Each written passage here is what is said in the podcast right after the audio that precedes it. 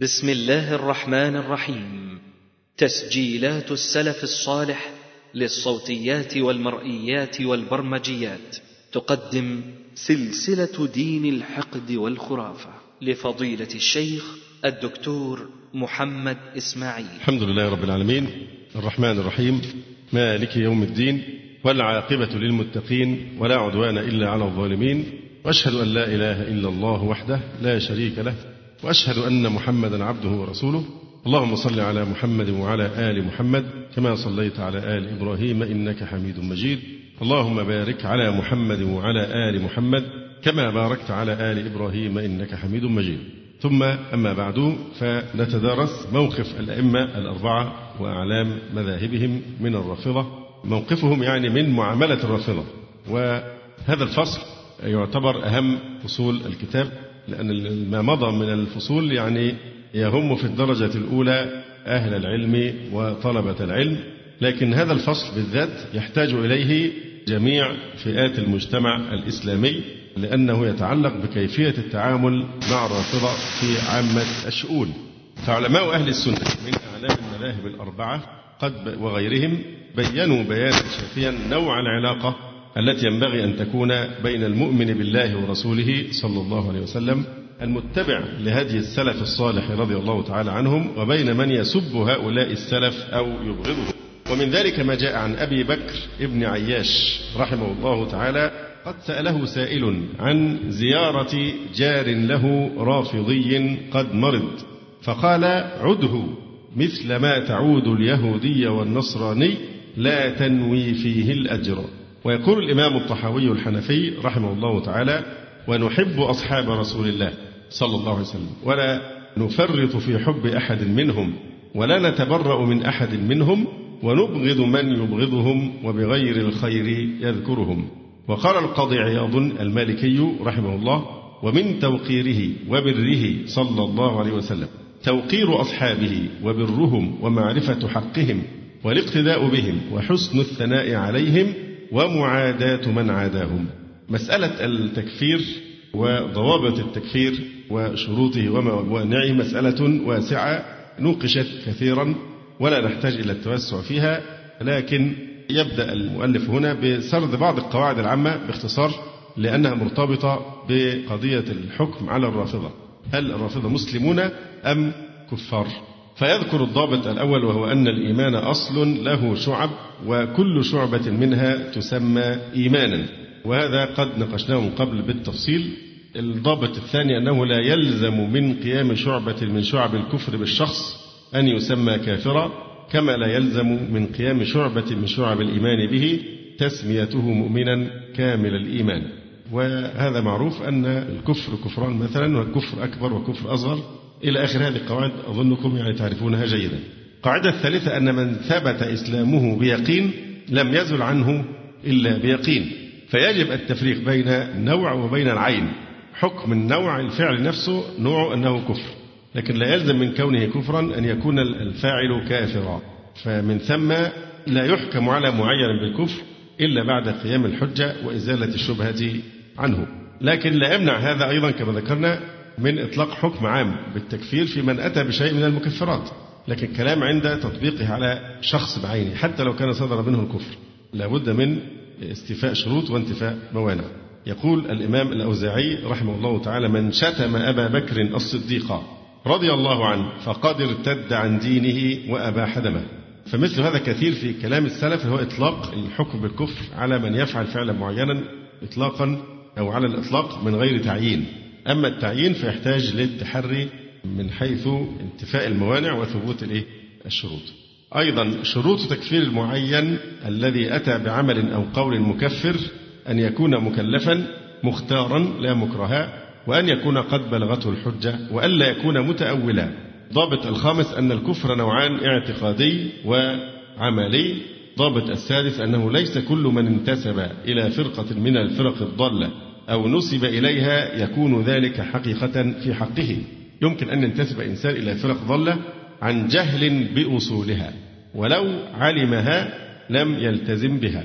كما هو حال الكثيرين اليوم ممن ينتسبون إلى الرفض من العوام. كثير من الناس ينتسبون إلى الرافضة وهم لا يفقهون شيئا. يقول هنا في الحاشية خاصة في بعض الدول غير العربية دول الأعاجم حيث إن مجرد الإعجاب بالخطابات أو المواقف السياسية والنضالية للرافضة ودولتهم القائمة اليوم أدى بكثير من العوام إلى التعاطف معهم وربما اعتبار أنفسهم أيضا من شيعتهم يعني عند هؤلاء العوام الجهلة يا ويلك لو تتكلم على مادي نجاة ده إنه ضال أو كذا أو كذا يقول لك أنتوا عملتوا إيه؟ الراجل عمل اسلحه نووية وشوف بيعمل إيه في كذا وكذا هذا الدجل ينطلي على هؤلاء الجهلة لأنهم ينطلقون من من حماس عاطفي لأن دايما يعني هي الدولة أو الكيان يعني السياسي أو الجهاد في حد ذاته هو الجهاد أهم ولا ما تجاهد من أجله؟ لأن الجهاد وسيلة لنشر الدين لكن المهم الغاية نفسها إيه؟ ما طبيعة هذا الدين الذي يريد أن ينشره؟ وده تكلمنا عنه من قبل من زمان في قضية الجهاد. فالجهاد هو عبارة عن وسيلة لتوصيل مفهوم وللتضحيه ولنشر وخدمة مبدأ معين وعقيده معينة. فالجهاد خادم لمخدوم وهو العقيدة الذي هو الغاية الشريفة. فمش قضية إن واحد بيجاهد أو بيعمل نكاية في العدو أو بيعمل كذا أو كذا من هذه المواقف قضية في سبيل إيه؟ إيه العقيدة اللي بيعمل من أجلها والتي يريد أن ينشرها عن طريق هذا الجهاد. دي القضية فكثير من الناس ينخدع بالمواقف السياسية التي يتقنها الرافضة من أجل استهلاك المحلي أو الدولي أو العالمي لخداع شباب أهل السنة لأن الرافضة ليس من مصلحتهم أن يظهروا بوجههم القبيح سوف يخسرون كثيرا وهم يريدون أن يستهدفوا شباب أهل السنة ليدخلوا في دينهم. فمن ثم ينبغي أن يحافظوا على التقية ينبغي أن يبهروهم بالمواقف العنترية ونحو ذلك. والجهل الذين هم في غاية الإعجاب بالأسلحة النووية الإيرانية إذا قدر لها أن تمضي في طريقها ما يعرفوش أن هم أول ناس مستهدفين بهذه الأسلحة. يعني أول من سيستهدفهم الرافضة هم أهل السنة لا اليهود ولا النصارى ولا أي حد خطر الحقيقي هو على أهل السنة لمن فقهوا حقيقة هؤلاء القوم. فيعني وصل بنا الجهل إلى حد أن نفرح بقوة الرافضة التي تهددنا نحن يعني في مستقبلنا وفي وجودنا. يقول وقد كان معد هذه الرسالة طالبا جامعيا في دولة إفريقية عام 1989 لما توفي إمامهم الخميني. حيث عم الحزن والأسى الأوساط الإسلامية الطلابية في الجامعات بسبب وفاة هذا الرجل الذي كان في تقدير هذه الأوساط أعلم وأتقى عبد لله على وجه الأرض آنذاك. فالقضية ليس بأمانيكم مش بالتمني لكن هو في الحقيقة ما الدين الذي كان عليه؟ هذا الخميني الذي أطلق لسانه في لعن الصحابة رضي الله تعالى عنهم وشتمهم والكيد لأهل الإسلام والمذابح التي حصلت في مكة المكرمة في مواسم الحج يعني شيء معروف. قتال الذي حصل بين ليس فقط بين السلطات هناك ولكن بين عموم المسلمين في مكة وبين هؤلاء الظالمين المعتدين في داخل الحرم المكي وقتل فيها عدد ضخم جدا من الناس. فهذا تاريخهم الأسود الذي يعيدونه من جديد. فمسألة أن الإنسان لا تهتم بالموقف الحماسي بقدر ما تهتم يخدم أي مبدأ أو يخدم أي عقيدة. فيوجد أيضا كما قلت من قبل بعض الصوفية الجهلة يتخذهم الشيعة مطية يركبونها لتوصلهم إلى أغراضهم. والصوفية بيتصوروا أن الشيعة دول الناس المتخصصين في حب آل البيت دول اللي بيعظموا آل البيت. فالمفروض إن إحنا نحبهم دي خصيصه من خصائصهم إنهم يحبون آل البيت. فقط ما يعرفون أي شيء ثاني عن العقائد الكفرية التي في دين الرافضة. فمن ثم بيخدعهم الشيعة عن طريق مسألة حب أهل البيت يتخذونها قنطرة ليعبروا من خلالها إلى شباب أهل السنة. فمثل هؤلاء الصوفية حتى لو هو قال أنا شيعي هو ما هو فاهم لا شيعي ولا فاهم غيره فبالتالي ما نستطيع أن نكفره يعني إذا كان من هؤلاء العوام. وكما هو معلوم أيضا تكفير السلف للفرق الضالة إنما هو من باب التكفير المطلق بمعنى أنه لا يلزم منه تكفير كل شخص ينتسب إليه. أما أقوال أئمة المذاهب الأربعة وأعلام مذاهبهم في هذه القضية فقد سئل الإمام أبو حنيفة رحمه الله تعالى. ما تقول في من جحد حرفا من كتاب الله؟ فقال كافر. فهذا ينطبق على الرافضة الذين يقذفون أم المؤمنين عائشة رضي الله تعالى عنها على الرغم من ثبوت براءتها في كتاب الله عز وجل. بل حكى القاضي أبو يعلى الحنبلي الإجماع على هذا حيث قال ومن قذف عائشة رضي الله عنها بما برأها الله منه كفر بلا خلاف. طبعا قد يقول البعض طيب ما هو في يجيب أدلة من كلام الرافضة أخطر من هذا أنهم يعتقدون تحريف القرآن. هو هنا بينطلق من خلال ما توفر لديه من كلام الأئمة. يعني ممكن تكون القضية فيها كلام كبير جدا لكن هو عايز يجيب لنا كلام عن لسان أبي حنيفة أو مالك أو الشافعية أو أحمد إلى آخره فبيبدأ بالحاجة المتاحة أمامه. النصوص التي ثبتت عنده يعني. يقول بل حكى القاضي أبو يعلى الحنبلي الإجماع على هذا حيث قال ومن قذف عائشة رضي الله عنها بما برأها الله منه كفر بلا خلاف. ونقل ابن حجر الهيتمي عن الإمام أبي حنيفة أنه يذهب إلى تكفير كل من ينكر خلافة الخليفتين الراشدين أبي بكر وعمر رضي الله عنهما. وقال الهيتمي وهو أي أبو حنيفة أعلم بالروافض لأنه كوفي والكوفة منبع الرفض. وقال إمام الهجرة وعالم المدينة مالك بن أنس رحمه الله تعالى أهل الأهواء كلهم كفار وأسوأهم الروافض. وقال أيضا الإمام مالك الذي يشتم أصحاب النبي صلى الله عليه وسلم ليس له سهم أو نصيب في الإسلام. قال الحافظ ابن كثير وقد ذهب طائفة من العلماء إلى تكفير من سب الصحابة وهو رواية عن مالك بن أنس رحمه الله. وسئل الإمام مالك هل لمن سب أصحاب رسول الله صلى الله عليه وسلم في الفيء حق؟ قال لا ولا كرامة. قال الله ليغيظ بهم الكفار فمن عابهم فهو كافر ولا حق للكافر في الفيء. وطبعا الإمام مالك استدل أيضا بالآية التي في سورة الإيه؟ الحشر. في الفيء للفقراء المهاجرين ثم قال والذين تبوأوا الدار والإيمان هم الأنصار ثم قال من يأتي بعدهم اشترط فيهم شرطا والذين جاءوا من بعدهم يقولون ربنا اغفر لنا ولإخواننا الذين سبقونا بالإيمان ولا تجعل في قلوبنا غلا للذين آمنوا. ربنا إنك رؤوف رحيم. فاشترط في من يستحق مال الفيء ممن يأتي بعد المهاجرين والأنصار أن يكون محبا للمهاجرين والأنصار مستغفرا لهم. فبدل أن يستغفروا لهم سبوهم ولعنوهم وكفروهم. قاتلهم الله. هؤلاء الرافضون. فمن ثم لا يستحقون مال الفيء بسبب هذا. وروى أبو نعيم وغيره عن مالك أنه قال أيضا محتجا بنفس الآية ليغيظ بهم الكفار. من أصبح في قلبه غيظ على أحد من أصحاب رسول الله صلى الله عليه وسلم فقد أصابته الآية. قال القرطبي معلقا لقد أحسن مالك في مقالته وأصاب في تأويله فمن نقص واحدا منهم أو طعن عليه في روايته فقد رد على الله رب العالمين وأبطل شرائع المسلمين.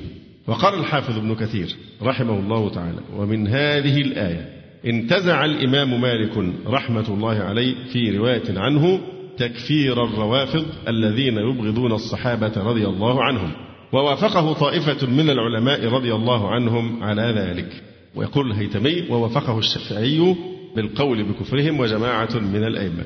أما عن قول الروافض بكفر معظم الصحابة وردتهم بعد النبي صلى الله عليه وسلم حاشاهم من ذلك رضي الله عنهم فقد حكى القاضي عياض عن الإمام مالك ما يفيد تكفير القائلين بذلك حيث قال فهؤلاء قد كفروا من وجوه لأنهم أبطلوا الشريعة بأسرها. الكلام الذي مضى في تكفير أو سب بعض الصحابة. أما هؤلاء هذا الكلام هنا فهو قول الرافضة بكفر معظم الصحابة حتى إنهم يزعمون أنه ما بقي على الإسلام منهم إلى ثلاثة أو خمسة أو سبعة والباقي كله ارتد. فالإمام مالك يقول فهؤلاء يعني القائلون بذلك بردة الصحابة قد كفروا من وجوه لأنهم أبطلوا الشريعة بأسرها قول بردة الصحابة رضي الله تعالى عنهم معناه إبطال الشريعة كلها لأنهم أبطلوا الشريعة بأسرها إذ قد انقطع نقلها ونقل القرآن. إذ ناقلوه كفرة على زعمهم وإلى هذا والله أعلم أشار مالك في أحد قوليه بقتل من كفر الصحابة. ولأنه مكذب لقوله تعالى كنتم خير أمة أخرجت للناس رضي الله تعالى عنه. فبهذه الطريقة يكونون شر أمة والعياذ بالله حينما يرتدون كلهم بعد وفاة النبي صلى الله عليه وسلم فقاتل الله الرافضة. وجاء عن تلميذ الإمام أحمد أبي بكر المروذي قوله سألت أبا عبد الله عمن شتم أبا بكر وعمر وعثمان وعائشة رضي الله عنهم فقال ما أراه على الإسلام؟ وقال أيضا من شتم أخاف عليه الكفر مثل الروافض. من شتم أصحاب النبي صلى الله عليه وسلم لا نأمن أن يكون قد مرق من الدين. وفي رواية أخرى قال رحمه الله إذا رأيت أحدا يذكر أصحاب رسول الله صلى الله عليه وسلم بسوء فاتهمه على الإسلام. وقال التلميذ الإمام أحمد لا تؤكل ذبيحة الروافض والقدرية كما لا تؤكل ذبيحة المرتد مع أنه تؤكل ذبيحة الكتابي لأن هؤلاء يقامون مقام المرتد. وقال الإمام البربهاري واعلم أن الأهواء كلها ردية تدعو إلى السيف وأردأها وأكثرها الرافضة والمعتزلة والجهمية. كما نص ابن حامد من إعلام الحنابلة أيضا على كفر الرافضة والقدرية والمرجئة. وقال من لم يكفر من كفرناه فسق وهجر وفي كفره وجهان. وقال أبو منصور عبد القاهر البغدادي من أعلام الشافعية رحمه الله تعالى وأكفروا من زعم من الرافضة ألا حجة اليوم في القرآن والسنة لدعواه فيه أن الصحابة غيروا بعض القرآن وحرفوا بعضه. ويقول الإمام أبو المظفر الإسفرائيني الشافعي واعلم أن جميع من ذكرناهم من فرق الإمامية متفقون على تكفير الصحابة ويدعون أن القرآن قد غير عما كان ووقع فيه الزيادة والنقصان من قبل الصحابة ويزعمون أنه قد كان فيه النص على إمامة علي فأسقطه الصحابة عنه ويزعمون أنه لا اعتماد على القرآن الآن ولا على شيء من الأخبار المروية عن المصطفى صلى الله عليه وسلم. ويزعمون أنه لا اعتماد على الشريعة التي في أيدي المسلمين وينتظرون إماما يسمونه المهدي يخرج ويعلمهم الشريعة. وليسوا في الحال على شيء من الدين وليس مقصودهم من هذا الكلام تحقيق الكلام في الإمامة ولكن مقصودهم إسقاط كلفة تكليف الشريعة عن أنفسهم حتى يتوسعوا في استحلال المحرمات الشرعية. ويعتذر عند العوام بما يعدونه من تحريف الشريعة وتغيير القرآن من عند الصحابة. ولا مزيد على هذا النوع من الكفر إذ لا بقاء فيه على شيء من الدين. وصدق والله أبو المظفر فيما قال فأي إسلام ولو كان مثقال ذرة يبقى لمن هذا معتقده وديدنه ومقولته في كلام الله الحق الذي لا يأتيه الباطل من بين يديه ولا من خلفه وفي أهل خير القرون صحابة رسول الله صلى الله عليه وسلم. أما القاضي عياض المالكي فيقول وكذلك من ادعى نبوة أحد مع نبينا صلى الله عليه وسلم أو بعده كالعيساوية من اليهود القائلين بتخصيص رسالته إلى العرب وكأكثر الرافضة القائلين بمشاركة علي في الرسالة للنبي صلى الله عليه وسلم وبعده. فكذلك كل إمام عند هؤلاء يقوم مقامه في النبوة والحجة فلا شك في كفر هؤلاء الطوائف كلها قطعا إجماعا وسمعا. وقال أيضا كفرت الروافض سائر الصحابة في تقديمهم غيره يعني بسبب تقديمهم غير علي رضي الله عنه. ولا امتراء في كفر القائلين بهذا لأن من كفر الأمة كلها والصدر الأول فقد أبطل نقل الشريعة وهدم الإسلام. وقال الإمام القرطبي المالكي وهؤلاء لا شك في كفرهم وكفر من تبعهم على مقالتهم يعني بكفر الصحابة رضي الله عنهم.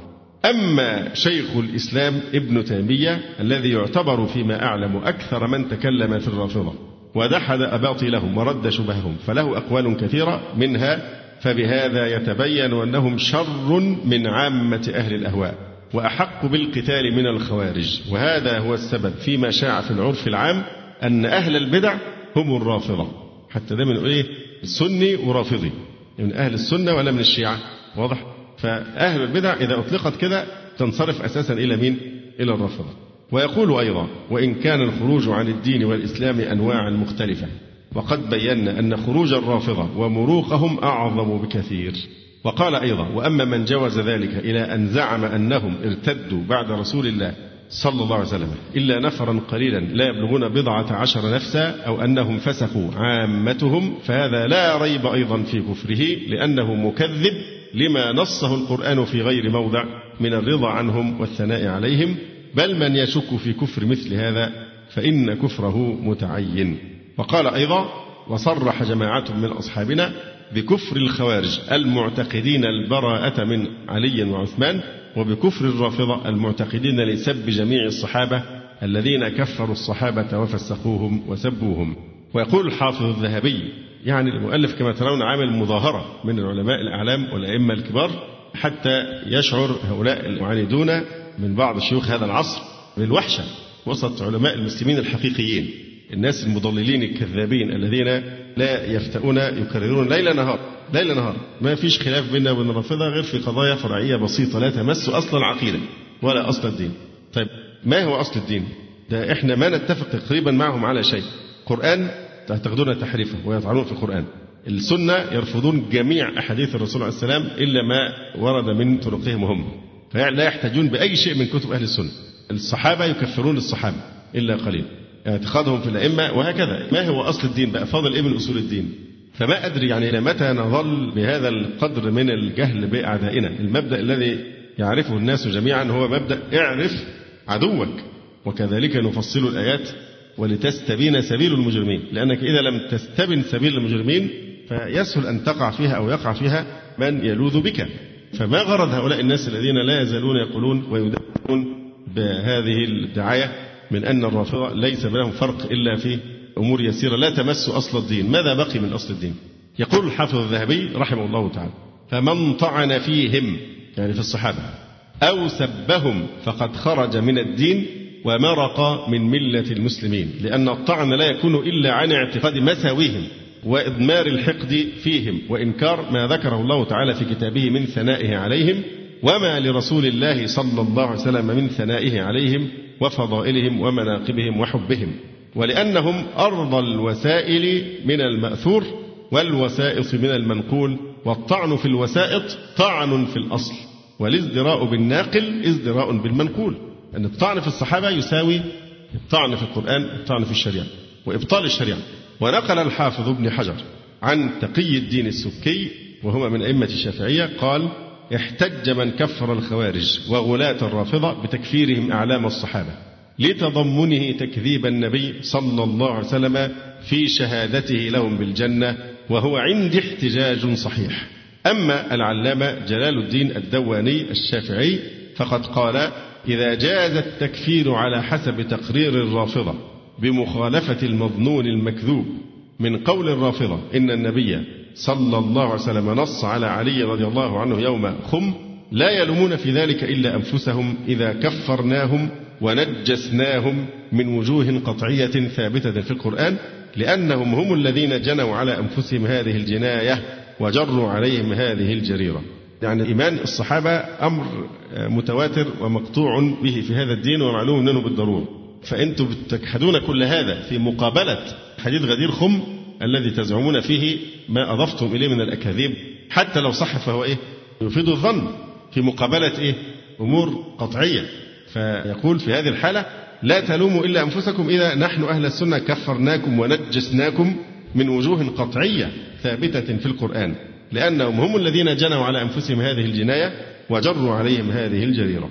ثم ذكر الدواني أوجها كثيرة في تكفير الرافضة منها مخالفتهم الإجماع على خلافة الصديق رضي الله عنه ومخالفة الإجماع كفر وتكفيرهم الصحابة وبغضهم رضي الله عنهم ورمي عائشة بما برأها الله منه وتفضيل علي على بعض الأنبياء عليهم الصلاة والسلام ودعواهم له ولسائر أئمتهم علم الغيب وغير ذلك من المعتقدات الرافضية الباطلة.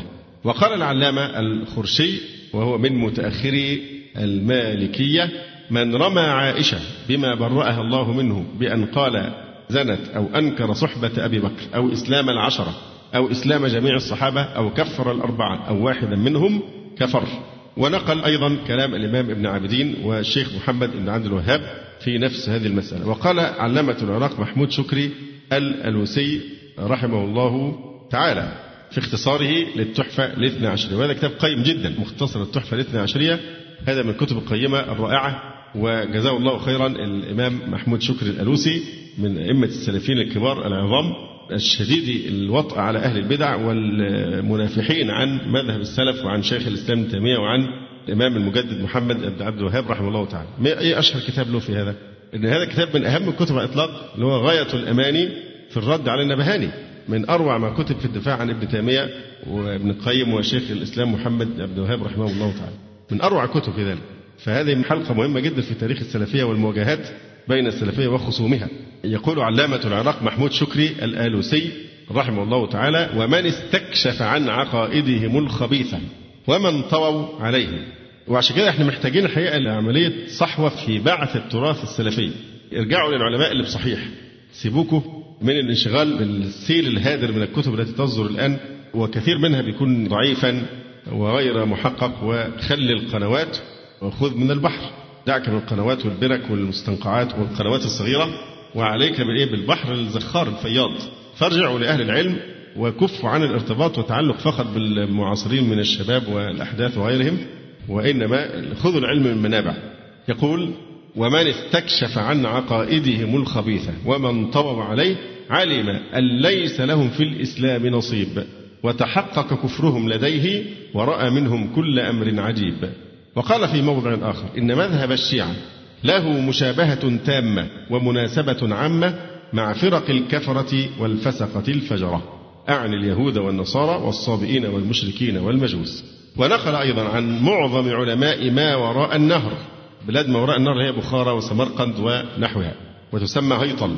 نقل عن معظم علماء ما وراء النهر أنهم كفروا الروافض وحكموا بإباحة دمائهم وأموالهم وفروج نسائهم حيث إنهم يسبون الصحابة رضي الله عنهم لا سيما الشيخين رضي الله تعالى عنهما وهما السمع والبصر منه صلى الله عليه وسلم. وينكرون خلافة الصديق رضي الله عنه ويفضلون بأسرهم عليا رضي الله عنه على الملائكة عليهم السلام وعلى غير أولي العزم من الرسل من المرسلين ومنهم من يفضله عليهم أيضا ما عدا نبينا صلى الله عليه وسلم ويجحدون سلامة القرآن العظيم من الزيادة والنقص. لأن الألوسي قال هذا الكلام في كتاب آخر له اسمه إيه؟ صب العذاب على من سب الأصحاب. ولو الجماعة بتوع الثانوية العامة دول والنصوص الأدبية وكليات الآداب وكده لو عرفوا مستوى الراقي الأدبي للعلامة محمد شكري الألوسي لدرسوا للطلبة قطعا من نصوصه في كتب فإنه في غاية البلاغة في غاية الفصاحة والبلاغة بحيث تصلح أساليبه للتدارس والتحليل والاستفادة منه من أرقى الأساليب العربية الفصيحة. ومن أئمة الحنابلة المتأخرين الشيخ محمد ابن عبد اللطيف آل الشيخ رحمه الله تعالى. قال ومؤاكلة الرافضي والانبساط معه وتقديمه في المجالس والسلام عليه لا يجوز. لأنه موالاة ومودة. والله تعالى قد قطع الموالاة بين المسلمين والمشركين بقوله لا يتخذ المؤمنون الكافرين أولياء من دون المؤمنين.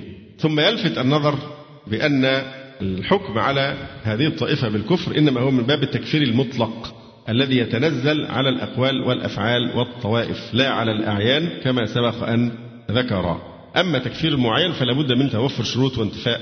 موانع يقول شيخ الإسلام فإن نطلق القول بنصوص الوعد والوعيد والتكفير والتفسيق ولا نحكم للمعين بدخوله في ذلك العام حتى يقوم فيه المقتضي الذي لا معارض له. أيضا ما نجد من عبارات بعض أهل العلم من إشارة أو تصريح بعدم القول بكفر الرافضة أو أن ثمة خلافا في ذلك فمحمول على أنهم لم يطلعوا على عقائد الرافضة التي بموجبها كفرهم من كفرهم من العلماء. بدليل أن جميع هؤلاء الذين لم يقولوا بالتكفير لا يختلفون ولا يترددون في تكفير من وجد عنده شيء من هذه العقائد. يعني أنت لو سألت أي واحد يعني من الناس المشاهير الآن الشيخ علي جمعة أو الشيخ القرضاوي ما حكم من يعتقد أن القرآن محرف؟ قطعا سيقول لك هو كافر. فالمسألة أن بينطلي عليهم أحيانا تدليس الرافضة واستعمالهم إيه؟ التقية. وإلا فهل يوجد أحد من أهل الإسلام يجيز مثلا البداء على الله سبحانه وتعالى؟ أو أن الصحابة كلهم مرتدون أو أن القرآن الكريم محرف معاذ الله فهي القضية أن هو نفسه يعتقد كفر هذه الأشياء أن من قائل ذلك كافر لكن هو ينخدع بإيه؟ بتقية الرافضة بتقيتهم ودجالهم وخداعهم لأهل السنة. ولذلك يقول شيخ الإسلام وأما تكفيرهم وتخليدهم ففيه أيضا للعلماء قولان مشهوران وهما روايتان عن أحمد والقولان في الخوارج والمارقين من الحرية والرافضة ونحوهم. والصحيح أن هذه الأقوال التي يقولونها التي يعلم أنها مخالفة لما جاء به الرسول صلى الله عليه وسلم كفر. وكذلك أفعالهم التي هي من جنس أفعال الكفار بالمسلمين هي كفر أيضا.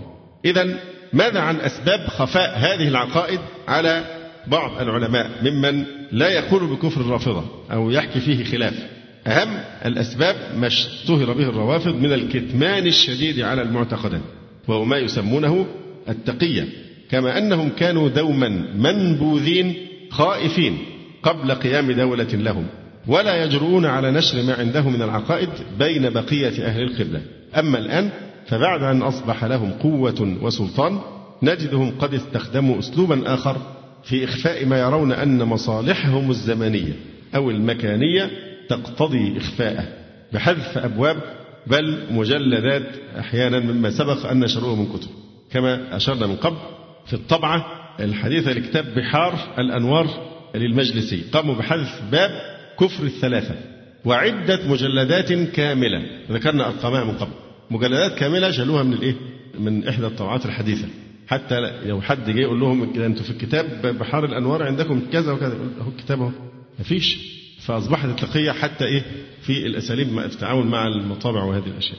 لينتقل إلى المبحث الثاني وهو موقف هؤلاء الأعلام الأئمة الأربعة وأتباعهم من قبول شهادة الرافضة.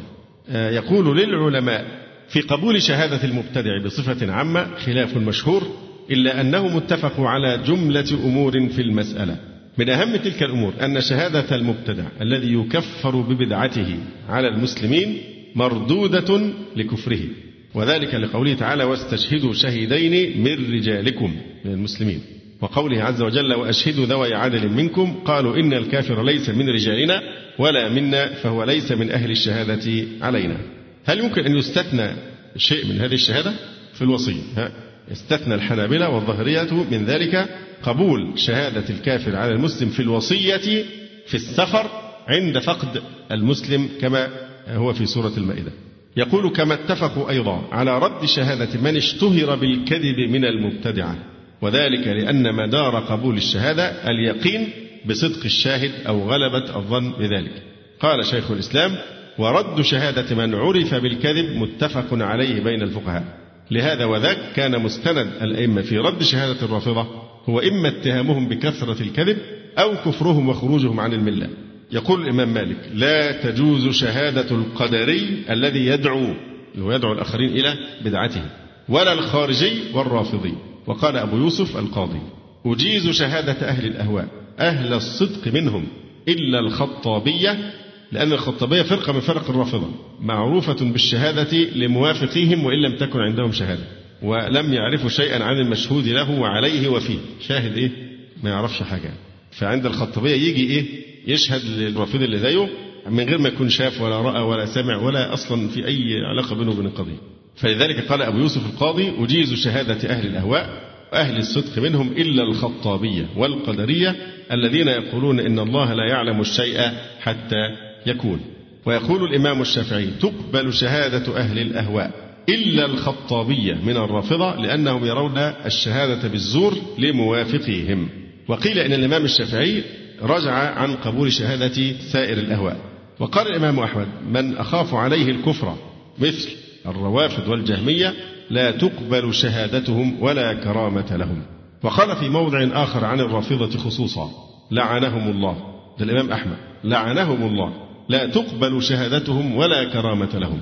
ويبين سيف الدين الآمدي الشافعي سبب رد شهادة الخطابية فيقول وإن كان فسقه مقطوعا به فإما أن يكون ممن يرى الكذب ويتدين به أو لا يكون كذلك. فإن كان الأول فلا نعرف خلافا في امتناع قبول شهادته كالخطابية من الرافضة لأنهم يرون شهادة الزور لموافقهم في المذهب. وبنحوه قال ابن عابدين من الحنفية وزاد فردهم لا لبدعتهم بل لتهمة الكذب. وقال الماوردي الشافعي من سب الصحابة أو لعنهم أو كفرهم فهو فاسق مردود الشهادة. وقال مجد الدين أبو البركات ابن تيمية رحمه الله تعالى. وهذا إيه؟ جد شيخ الإسلام. رحمه الله. ولا تقبل شهادة من فسقه لبدعة كمن يعتقد مذهب الرافضة. فإذا الأئمة يحكمون برد شهادة الرافضة إما لكفرهم وإما لأنهم إيه؟ عادتهم الكذب أو التدين ساعات بالكذب كالخطابية. يقول شيخ الإسلام وفي الجملة فمن جرب الرافضة في كتابهم وخطابهم علم أنهم من أكذب خلق الله وقال أيضا وليس في الطوائف المنتسبة إلى القبلة. أعظم افتراء للكذب على الله وتكذيبا بالحق من المنتسبين إلى التشيع ولهذا لا يوجد الغلو في طائفة أكثر مما يوجد فيهم. أما موقف الأئمة من الرواية أو الكتابة عن الرافضة فطبعا هناك شبه بين الشهادة وبين الرواية لكن لابد من الفصل. فيعني عامة الأئمة والأعلام يحكمون برد رواية الرافضة على غرار حكمهم في شهادتهم. يقول أبو حنيفة لمن سأله ممن تأمرني أن أسمع الآثار؟ قال من كل عدل في هواه إلا الشيعة فإن أصل عقدهم تضليل أصحاب محمد صلى الله عليه وسلم. وقال الإمام مالك عن الرافضة لا تكلمهم ولا تروي عنهم فإنهم يكذبون وقال ابن المبارك وابن المبارك من تلامذة أبي حنيفة دعوا حديث عمرو بن ثابت فإنه كان يسب السلف ويقول الإمام يحيى بن معين في راو كذاب كان يشتم عثمان وكل من شتم عثمان أو طلحة أو واحدا من أصحاب رسول الله صلى الله عليه وسلم دجال لا يكتب عنه وعليه لعنة الله والملائكة والناس أجمعين. وقال الحافظ الذهبي وهو شافعي ثم بدعة كبرى كالرفض الكامل والغلو فيه والحط على أبي بكر وعمر رضي الله عنهما والدعاء إلى ذلك فهذا النوع لا يحتج بهم ولا كرامة. وأيضا فما أستحضر الآن في هذا الضرب؟ يعني بيقول بجانب كده هم أيضا لا أعرف اسم واحد منهم رجلا صادقا ولا مأمونا بل الكذب شعارهم والتقية والنفاق دثارهم فكيف يقبل نقل من هذا حاله؟ حاشا وكلا. وقال أيضا فدأب الروافض رواية الأباطيل أو رد ما في الصحاح والمسانيد ومتى إفاقة من به سكراني؟ ويقول الحافظ ابن حجر رحمه الله وأما التشيع في عرف المتأخرين فهو الرفض المحض فلا تقبل رواية الرافضي الغالي ولا كرامة. والسيوطي يقول والصواب أنه لا تقبل رواية الرافضة وساب السلف لأن سباب المسلم فسوق فالصحابة والسلف من باب أولى. فهذا باختصار يعني كلام بعض الأئمة في آه، رد رواية الرافضة قاتلهم الله. طيب موقف الأئمة الأربعة وأعلام مذاهبهم من مجالسة الرافضة. وما جاء عنهم في كراهية مخالطتهم والهجرة من بلدهم.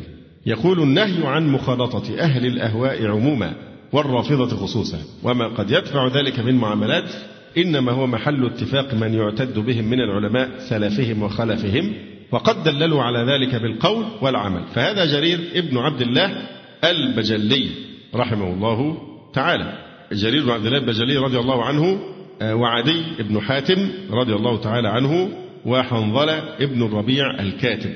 يخرجون من بلدة كالكوفة حين ظهر فيها بعض معالم الرفض. كان السلف إذا بلد ظهر فيها سب السلف أو أعراض الرفض فيهجرون تلك البلد ويبتعدون عنها. فالهجرة دلوقتي صعب عندنا في مصر. الهجرة لأي بلد تانية صعبة. فالروافض هيجوا إحنا هنروح فين طيب؟ فمجيئهم إلينا إلى أين نذهب إذا إذا الروافض انتشروا هنا في مصر كما وجدت الآن بعض البؤر الرافضية؟ فالله المستعان. فهؤلاء الثلاثة خرجوا من الكوفة حين ظهر فيها بعض معالم الرفض وقالوا لا نقيم ببلدة يشتم فيها عثمان بن عفان رضي الله عنه. فانتبهوا لمشاعر ذلك الولاء والانتماء العاطفي والوجداني بيننا وبين هؤلاء الأئمة الصحابة رضي الله عنهم الخلفاء الأربعة. ففي يعني كما ترون كل علماء الأمة في كل العصور احترام هذه الحرمة والحب والولاء للصحابة رضي الله تعالى عنهم. ده جزء من الدين. وغير قابل للمداهنة أو يطبق عليه قاعدة نتعاون فيما اتفقنا عليه ويعذر بعضنا بعضا فيما اختلفنا فيه. كيف تعذرهم؟ لا يمكن لمسلم أن يعذر هؤلاء في جرائمهم الكبرى وبالذات يعني لعن الصحابة وتكفيرهم رضي الله عنهم. محمد ابن عبد العزيز التيمي رحمه الله قرر بيع داره بالكوفة أيضا قائلا لا أقيم ببلدة يشتم فيها أصحاب النبي صلى الله عليه وسلم. وكان أبو بكر ابن أبي شيبة رحمه الله ينكر على بعض تلاميذه ذهابهم إلى إسماعيل بن موسى قائلا أي شيء علمتم عند ذاك الفاسق الذي يشتم السلف؟ وكان محارب ابن دثار لا يرى بأسا باغتياب الرافضة. وجاء عن الحسن البصري أنه قال ليس لأصحاب البدعة غيبة بل أكثر من ذلك. منصور ابن المعتمر رحمه الله تعالى سئل عن تناول الذين يتناولون أبا بكر وعمر والمتناول صائم فأفتى بالجواز. تناول هنا يعني الغيبة فأفتى بالجواز. وقبل ذلك كله فإن خبر نفي أمير المؤمنين علي بن أبي طالب ابن السوداء عبد الله ابن سبأ حين بلغ أنه تنقص أبا بكر وعمر رضي الله عنهما هذا خبر مشهور ومعلوم. وفيه قال قوله المأثور لا يساكنني ببلد أنا فيه مع ابن السوداء مؤسس دين الشيعة اليهودي الخبيث الذي أسس لهم هذا الدين.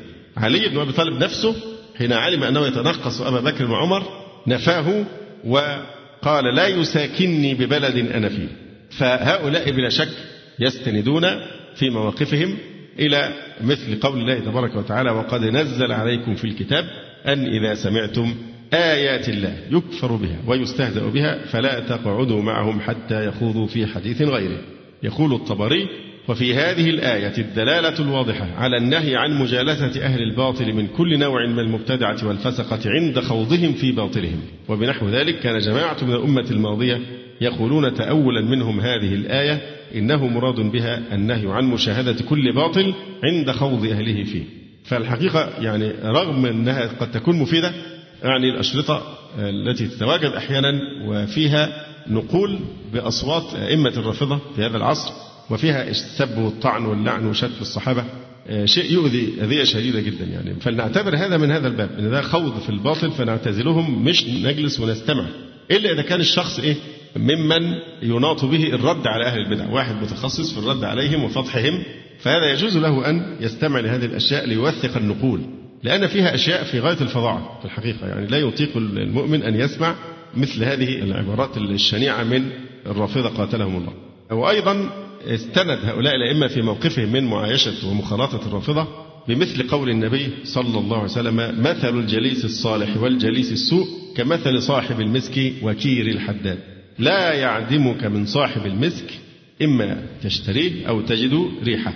وكير الحداد يحرق بدنك أو ثوبك أو تجد منه ريحا خبيثا. يقول الإمام مالك لا ينبغي الإقامة بأرض يكون العمل فيها بغير الحق والسب للسلف. وسئل أيضا عن الرافضة فقال لا تكلمهم ولا تروي عنهم. وقال مرة أخرى أهل الأهواء بئس القوم لا يسلم عليهم واعتزالهم أحب إلي وسئل الإمام أحمد عن رجل له جار رافضي يسلم عليه قال لا وإذا سلم عليه لا يرد عليه. وسأله رجل آخر عن صاحب بدعة يسلم عليه فقال الإمام أحمد إذا كان جهميا أو قدريا أو رافضيا دعه فلا يصلى عليه ولا يسلم عليه. أما الإمام أبو عبيد القاسم ابن سلام الشافعي رحمه الله تعالى فقد قال عاشرت الناس وكلمت أهل الكلام. فما رأيت قوما أوسخ وسخا ولا أقذر قذرا ولا أضعف حجة ولا أحمق من الرافضة وقد وليت قضاء الثغور فنفيت منهم ثلاثة رجال جهميين ورافضيا أو رافضيين وجهميا قلت مثلكم لا يساكن أهل الثغور فأخرجتهم. وقال أبو يعلى ابن أبي يعلى في ترجمة الإمام العلامة عمر بن الحسين الخرقي صاحب إيه؟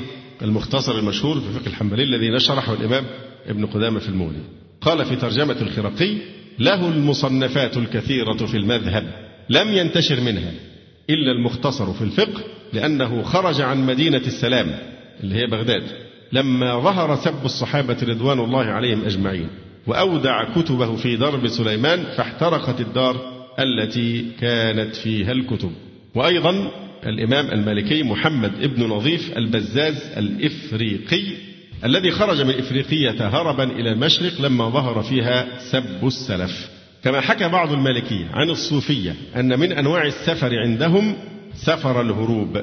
في سفر عند الصوفية اسمه سفر الهروب.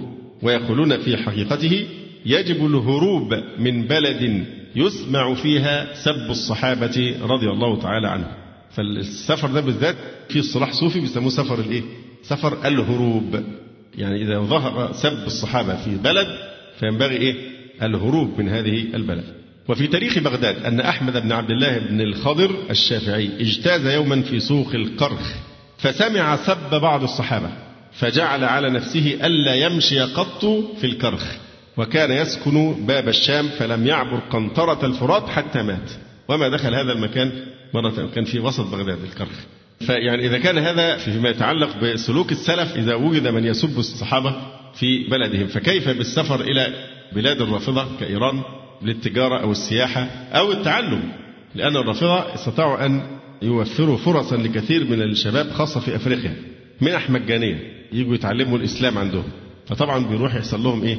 غسيل مخ وتقذير مخ بعقائدهم ويصبحون دعاة إلى مذهبهم في بلادهم حين يعودون. كنت أقابل بعضهم في الخارج يعني أفارقة يذهبون إلى إيران يتعلمون المنح نفس المنطق الغريب. يقول ما إحنا بنحاول ندخل السعودية ونيجي الأزهر وما بنستطيع. هو علمتونا حاجة؟ فما لقاش الصح يعمل الغلط. فهو راح يهلك نفسه. ده أنت تفضل جاهل أفضل انك تروح تتعلم هذا الدين الخبيث. يعني خليك جاهل. ولا تحتج بإن إيه؟ أن بعض البلاد لا تفتح ذراعيها لاستقبال طالب العلم. فهذا لا يسوغ لك إنك تقول إيه طب أنا أروح بقى أرمي نفسي في جهنم بقى عند الرافضه يقول البهوتي الحنبلي رحمه الله تعالى وتكره التجارة والسفر إلى أرض العدو وبلاد الكفار مطلقا مع الأمن والخوف وإلى بلاد الخوارج والبغاة والروافض والبدع المضلة ونحو ذلك. وقال شيخ الإسلام فإنه إذا كان في فعل مستحب مفسدة راجحة لم يصر مستحبا ومن هنا ذهب من ذهب من الفقهاء إلى ترك بعض المستحبات إذا صارت شعارا لهم.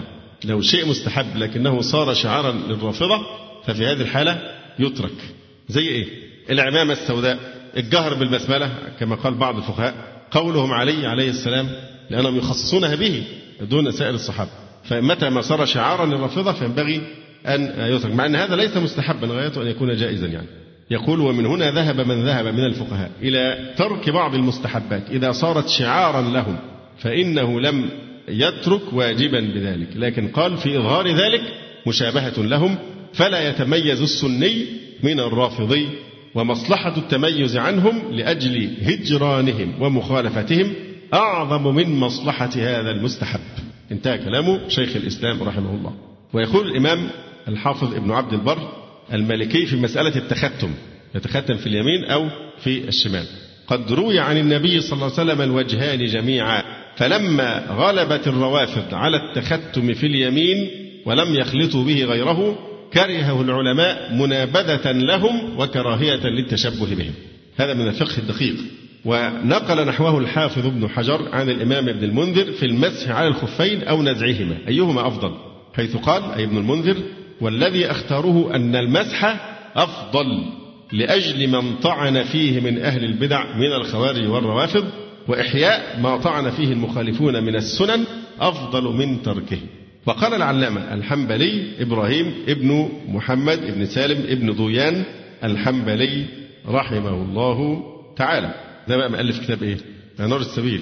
قال فيما يتعلق لو إن واحد رافضي دعاك إلى وليمه ما حكم إجابة وليمة الروافض؟ وما يقاس عليها من مشاركتهم في احتفالاتهم البدعية؟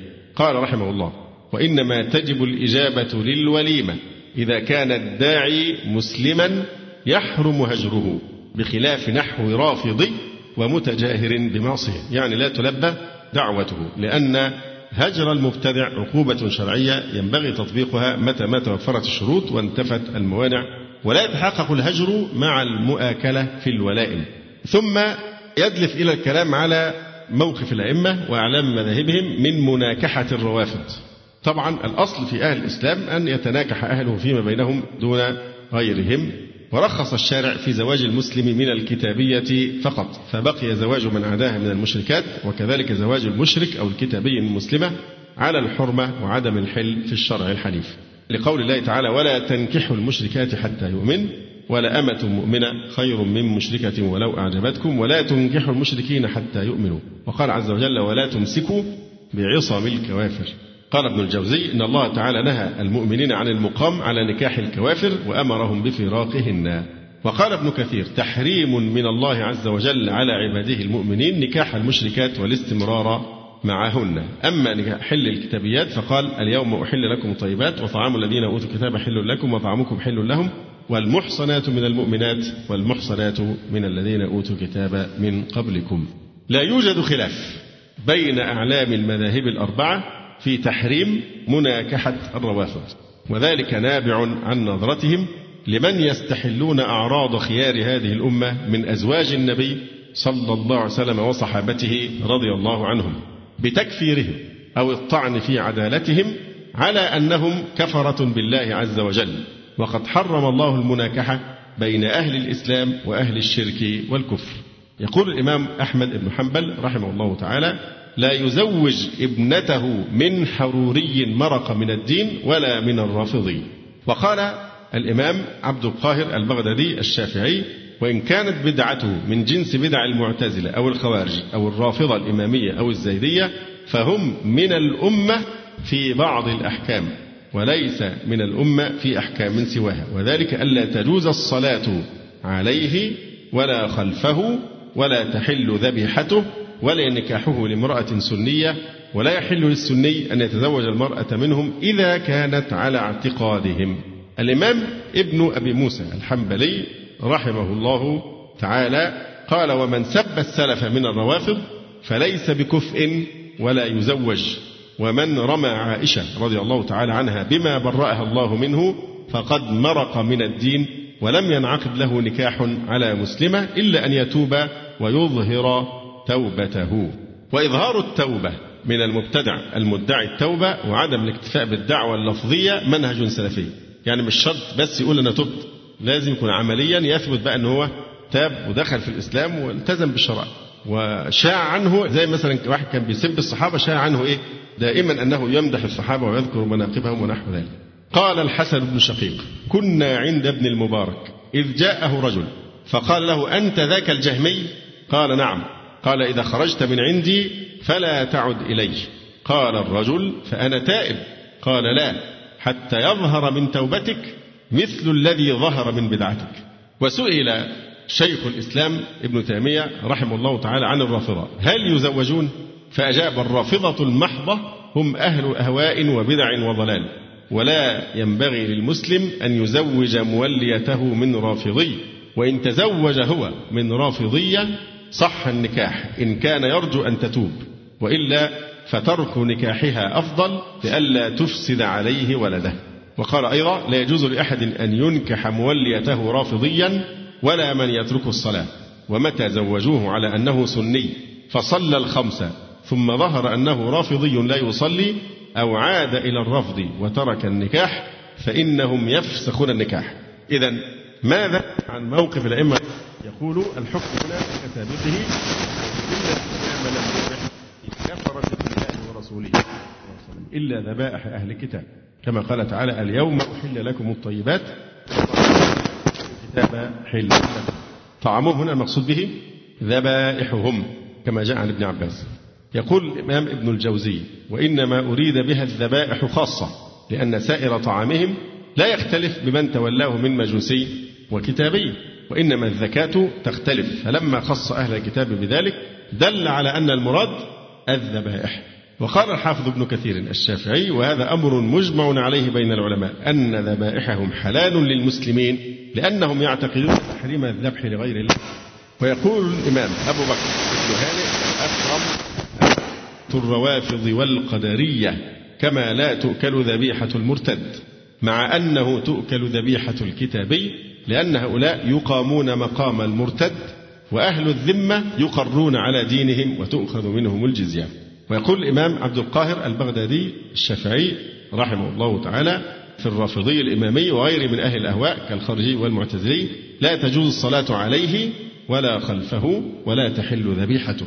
وقال شيخ الإسلام والغالية الغالية من الرافضة يعني والغالية يقتلون باتفاق المسلمين وهم الذين يعتقدون الإلهية والنبوة في علي وغيره. ومن دخل فيهم من المعطلة الذين ينكرون وجود الصانع أو ينكرون القيامة أو ينكرون ظواهر الشريعة مثل الصلوات الخمس فإن جميع هؤلاء الكفار أكثر من اليهود والنصارى. وقال الإمام طلحة بن المصرف رحمه الله الرافضة لا تنكح نساؤهم ولا تؤكل ذبائحهم لأنهم أهل ردة. وقال الإمام أحمد بن يونس رحمه الله تعالى أنا لا آكل ذبيحة رجل رافضي فإنه عندي مرتد. وفي لفظ لو أن يهوديا ذبح شاة وذبح رافضي لأكلت ذبيحة اليهودي ولم آكل ذبيحة الرافضي لأنه مرتد عن الإسلام. أما موقفهم من اتباع جنازة الرافضي والصلاة عليه فمعلوم أن من حق المسلم على المسلم إذا مات فاتبعه اتباع الجنائز. والحق هنا معناه الوجوب على الكفاية. على الجهة الأخرى حرم الإسلام تحريما قاطعا اتباع جنازة الكافر أو الصلاة عليه. لقوله تعالى ولا تصلي على أحد منهم مات أبدا ولا تقم على قبره إنهم كفروا بالله ورسوله وماتوا وهم فاسقون. قال أبو عبد الله القرطبي قال علماؤنا هذا نص في الامتناع من الصلاة على الكفار قال الإمام أحمد الجهمية والرافضة لا يصلى عليهم. وقال أيضا في الرافضي يموت أنا لا أشهده لا أشهده يعني إيه؟ لا أحضر جنازته أنا لا أشهده يشهده من شاء. قد ترك النبي صلى الله عليه وسلم على أقل من ذا الدين والغلول والقتيل لم يصلي عليه ولم يأمرهم. ولما قال له رجل يقولون أرأيت إن مات؟ يعني رافضي مات في قرية ليس فيها إلا نصارى. من يشهده؟ فأجاب أنا لا أشهده. يشهده من شاء. يعني هو رافضي مات في بلد كل اللي فيها نصارى بمعنى أنه لو هو ما صلاش عليه حيه لن يصلي عليه أحد. فقال الإمام أحمد أنا لا أشهد حيث يستحق. أنا لا أشهده يشهده من شاء. لأن لو كان يراه مسلما وكان الصلاة على الميت فرض إيه؟ كفاية لتعين عليه. واضح؟ وقال أيضا أهل البدع لا يعادون إن مرضوا ولا تشهد جنائزهم إن ماتوا. أما الإمام عبد القاهر البغدادي فأيضا نص على عدم جواز الصلاة على الرافضي الإمامي. والإمام ابن قدامة قال ووجه ترك الصلاة عليهم أنهم يكفرون أهل الإسلام ولا يرون الصلاة عليهم فلا يصلى عليهم كالكفار من أهل الذمة وغيرهم ولأنهم مرقوا من الدين فأشبهوا المرتدين. فما يجيش حد يقول لنا أنتم مكفرتين إن السلفيين بيكفروا المسلمين. لا ده هم اللي مكفرين خلق الله كلهم. هم مكفرين الصحابة ومكفرين الأئمة كلهم. فمش إحنا هم الذين كفروا هم الذين انشرحت صدورهم بالكفر. وسأل سفيان بن عيينة رجلا من أين جئت؟ قال من جنازة فلان. فقال سفيان لا أحدثك بحديث سنة فاستغفر الله ولا تعد. نظرت إلى رجل يشتم أصحاب محمد صلى الله عليه وسلم فاتبعت جنازته طوعك قلبك؟ إنك تروح تتبع جنازة واحد بيشتم أصحاب الرسول عليه السلام.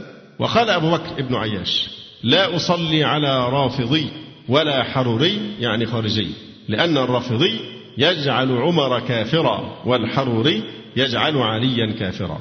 وسئل الفريابي عمن شتم أبا بكر؟ فقال كافر. قيل يصلى عليه؟ قال لا. قيل كيف يصنع به؟ وهو يقول لا إله إلا الله. قال لا تمسوه بأيديكم ارفعوه بالخشب. حتى تواروه في حفرته. يعني ارموه في إيه؟ في البئر أو في زي قليب بدر كده. يدفن ولا تلمسوه بأيديكم. طيب ماذا عن موارثه الرافضة؟ يقول لم أقف على شيء من أقوال الائمه الأربعة أو اعلام مذاهبهم ينص على جواز التوارث بين الرافضة وأهل السنة أو على منعه. والكلام في هذا يعني نادر جدا. لعل من أسباب ذلك كون النظر في هذه المسألة لا ينفصل عن النظر في المبتدع نفسه من حيث الكفر وعدمه. إذ لا خلاف في وجوب التوارث بين أهل القبلة اتباعا لأمر الله تعالى. يوصيكم الله في أولادكم للذكر مثل حظ الأنثيين. وقال صلى الله عليه وسلم أنا أولى بالمؤمنين من أنفسهم فمن توفي من المؤمنين فترك دينا فعلي قضاؤه ومن ترك مالا فلورثته. أما الرافضي الكافر فحكمه كحكم غيره من الكفرة بالله. وقد جاء عن النبي صلى الله عليه وسلم قوله لا يرث المسلم الكافر ولا الكافر المسلم وهذا متفق عليه. وقال أيضا لا يتوارث أهل ملتين شتى. فعلى هذا انعقد الإجماع على أن الكافر لا يرث المسلم. وذهب أكثر الصحابة رضي الله عنهم ومنهم الخلفاء الأربعة وجميع أهل العلم ومنهم الأئمة الأربعة إلى أن المسلم لا يرث الكافر أيضا لعموم الحديثين.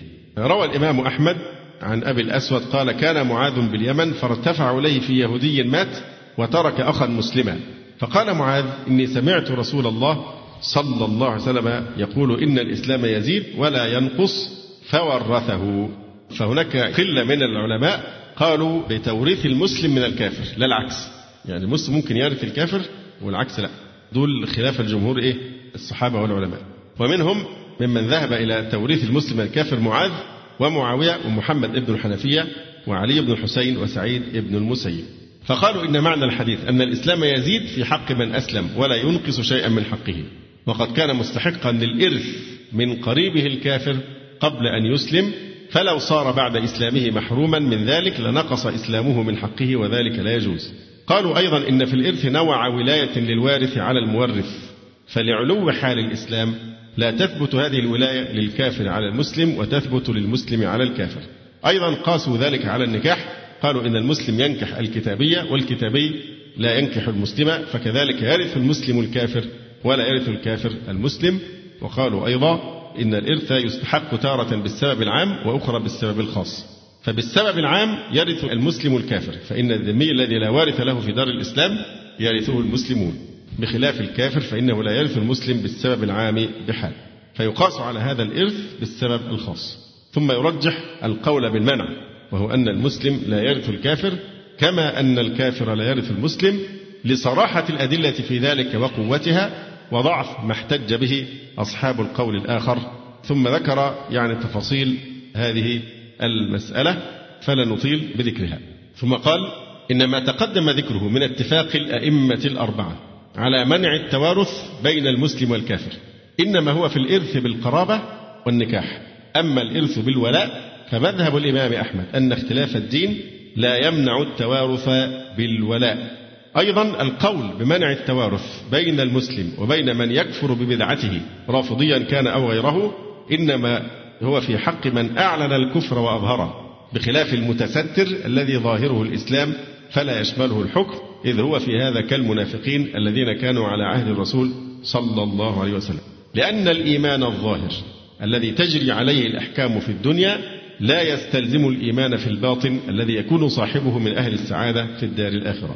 يقول شيخ الإسلام ولم يحكم النبي صلى الله عليه وسلم في المنافقين بحكم الكفار المظهرين للكفر لا في مناكحتهم ولا موارثتهم ولا نحو ذلك فقول النبي صلى الله عليه وسلم لا يرث المسلم الكافر ولا الكافر المسلم لم يدخل فيه المنافقون وإن كانوا في الآخرة في الدرك الأسفل من النار بل كانوا يورثون ويرثون وكذلك كانوا في الحقوق والحدود كسائر المسلمين. ثم يناقش موقفهم من الصلاة خلف الرافضة يقول الصلاة ركن من أركان الدين وأول ما يسأل عنه العبد يوم القيامة فينبغي للمسلم أن يتحرى الدقة والصحة في أدائها منفردا كان أو في جماعة.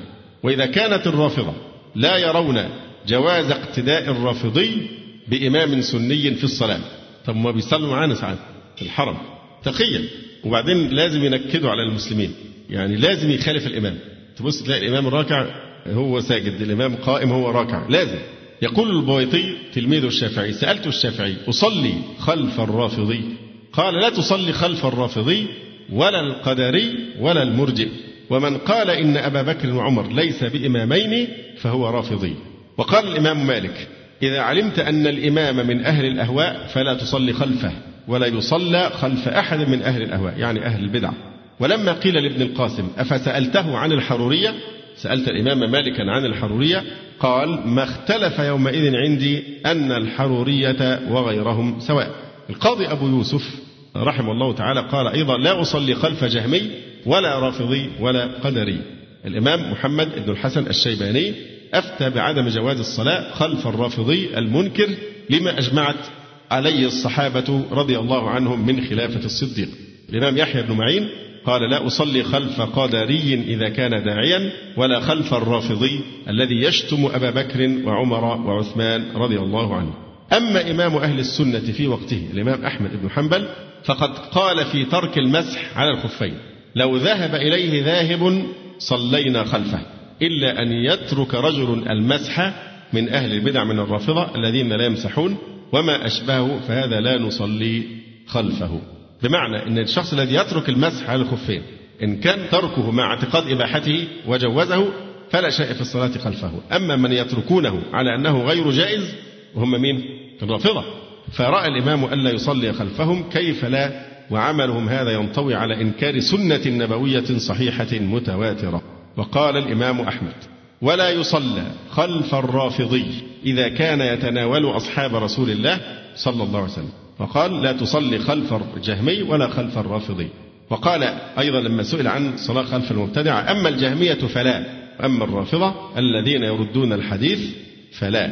وقال ابن الهمام الحنفي الاقتداء بأهل الأهواء جائز إلا الجهمية والقدرية والروافض الغالية. إيه أشهر كتاب لابن الهمام؟ الحنفي. فتح قدير. فتح القدير اللي هو شرح الهداية. الإمام ابن الهمام تلميذ مين؟ تلميذ ابن حجر العسقلاني. ولذلك كتابه مميز جدا. إنه كتابه رغم إنه في الفقه الحنفي لكن يحتفل احتفالا عظيما جدا بتخريج الحديث وتحقيقه والكلام على رجاله وكان الشيخ الألباني رحمه الله تعالى يعظم هذا الكتاب لما فيه من الاهتمام بالأحاديث. وقال أيضا ولا يصلى خلف منكر المسح على الخفين. كما روي عن الإمام أحمد أيضا الأمر بالإعادة لمن صلى خلف الرافضي لعذر أو لغير عذر. وقال أبو بكر الأثرم قلت لأبي عبد الله الرافضة الذين يتكلمون بما تعرف فقال نعم آمره أن يعيد. يعيد الصلاة إذا صلى خلف رافضي. وفي رواية أخرى قال الإمام أحمد لا يصلي خلف مرجئ ولا رافضي ولا فاسق إلا أن يخافهم فيصلي ثم يعيد. وممن نصوا على عدم جواز الصلاة خلف الرافضي الإمامي العلامة عبد القاهر البغدادي رحمه الله تعالى. أخيرا موقف الأئمة وأعلام مذاهبهم من إنفاذ أقضية قضاة الرافض يعني لو قاضي رافضي حكم هل ينفذ حكمه أم لا؟ فالقضاء طبعا ولاية. يقول الله تعالى ولن يجعل الله للكافرين على المؤمنين سبيلا. ولذلك نجد العلماء في أول شرط في القاضي أن يكون إيه؟ مسلما. أول شرط في القاضي أن يكون مسلما وبدون الإسلام لا يتم القضاء ولا تنعقد ولايته. وقال الحافظ ابن عبد البر لم يختلف العلماء بالمدينة وغيرها فيما علمت أنه لا ينبغي أن يتولى القضاء إلا الموثوق به في دينه. على هذا الأساس ذهب أئمة المذاهب الأربعة وأعلامها إلى عدم إنفاذ ما يقضي به قضاة الرافضة. مثلا الإمام الخطابي رحمه الله تعالى قال فيما نقل عنه البغوي في شرح السنة وكان أبو سليمان الخطابي لا يكفر أهل الأهواء الذين تأولوا فأخطأوا ويجيز شهادتهم ما لم يبلغ من الخوارج والروافض في مذهبه أن يكفر الصحابة. فلا يرى الصلاة خلفهم ولا يرى أحكام قضاتهم جائزة. الإمام النووي نقل عن الخطيب البغدادي قال والرافضة الذين يسبون السلف ففتاويهم مردودة وأقاويلهم ساقطة. فطبعا في نوع من الشبه بين الفتوى وبين القضاء. ونص النووي نفسه في موضع آخر على عدم نفاذ قضاء الخطابية من الرافضة كشهادتهم. وبنحوه قال محمد الشربيني الخطيب من الشافعية أيضا. يقول هنا لعل السبب في عدم تعرض الكثير من العلماء للموضوع القضاء هذا أن القضاء والشهادة من باب واحد. فمن قبلت شهادته قبل قضاؤه ومن ردت شهادته فقضاؤه كذلك مردود. وقد تقدم الحديث عن موقفه من شهادة الرافضة والله تعالى أعلم. أريد فقط أن ألفت النظر في نهاية مدرسة هذا الجزء الأول من الكتاب. يعني السلفية لا تتجزأ. مش هنؤمن ببعضها ونكفر ببعض الآخر. فمن ملامح السلفية الحقة هذا الموقف الصارم من معاملة أهل البدع. بالذات يعني نحن رأينا كيف العلماء تكلموا على يعني تكفيرهم وتكلموا عن مجالستهم ومخالطتهم بل الهجرة من بلادهم بل أنه يترك البلد إذا ظهر فيها واحد منهم يشتم. السلف تكلموا عن مناكحتهم وأكل ذبائحهم واتباع جنائزهم أو الصلاة عليهم والتوارث معهم والصلاة خلفهم وإنفاذ أقضية قضاتهم. تفر من المبتدع فرارك من الإيه؟ من الأسد. فأنا أعجب لبعض الناس بمنتهى البساطة دايما نلاقي إخوة يدخلوا بعض الغرف في الإنترنت اللي هي فيها شتم النصارى للرسول صلى الله عليه وسلم والطعن في الإسلام وهذه الأشياء. هو بإرادته بيروح عشان يسمع ما يؤذيه. أيضا بنجد بعض الناس موضوع القنوات الفضائية يعني خرج من نطاق السيطرة وأصبح الناس في متناول أيديهم الآن أن يطلعوا على القنوات الرافضية الخبيثة التي تبشر بدين الرافضة. فنجد طبعا أنت ليس عندك مناعة ليس عندك مناعة ولا عندك علم حتى تستطيع أن تفرز هذا الكلام. فنجد بعض العوام يتأثرون بهذا الكلام. فهذا بسبب أنهم يخالفون منهج السلف. منهج السلف هجرة أهل البدع. لما طلب مبتدع من أحد الأئمة أن يكلمه قال قف أكلمك كلمة قال ولا نصف كلمة. ولما جلس رغما عنه قال أحد الأئمة قال أيضا إما أن تقوم وإما أن أقوم. ولما شرع بعض المبتدع في الكلام أمام أحد الأئمة وكان ابنه معه سد أذنيه بأصابعه وأخذ يقول أي بني يسدد إن هذا القلب ضعيف. أي بني يسدد إن هذا القلب ضعيف. أنتم بقى قلوبكم فولاذية أمام الشبهات. أنا أقصد الشباب عموما مش الإخوة الملتزمين الفاهمين يعني. الناس العوام دول اللي هم مش فاهمين حاجة لا في سنة ولا في شيعة. كيف يعرض قلبه وهو معوش مجرد من جميع الأسلحة؟ إنه يسمع الشتم والسب وطبعا هؤلاء الناس كذابون ويستعملون التقية فبالتالي بيكون سهل جدا أن ينخدع بكلام الرافضة في مثل هذا الأمر. فنرجو تنبيه الناس دائما أن السلوك السلفي الحقيقي هو أنك إذا سمعتم آيات الله يكفر بها ويستهزأ بها فلا تقعدوا معهم حتى يخوضوا في حديث غيره. فهجرة هذه المجالس والذين لا يشهدون الزور. الشهود هنا بمعنى الإيه؟ الحضور أحد التفاسير. يشهدون الزور يعني لا يحضرون مجالس الزور أعياد الكفار كنائس ومن شهود الزور الآن الجلوس أمام قنواتهم الفضائية أو كتبهم والإنسان ليس عنده ما يحميه من ضلالته. فلا بد من التركيز على هذا المعنى إن الإنسان ليجلس هو يكون متخصص يرصد ما يقولونه لكي يرد عليه أو يحذر منه. أما إن كل من هب ودب يعرض نفسه لهذه السموم فلا يأمن أن يزيغ قلبه فيقع في النار ويفتن في دينه بسبب جهله هو وبسبب ألاعيب الرافضة في محاولة يعني خداع السذج من عوام أهل السنة.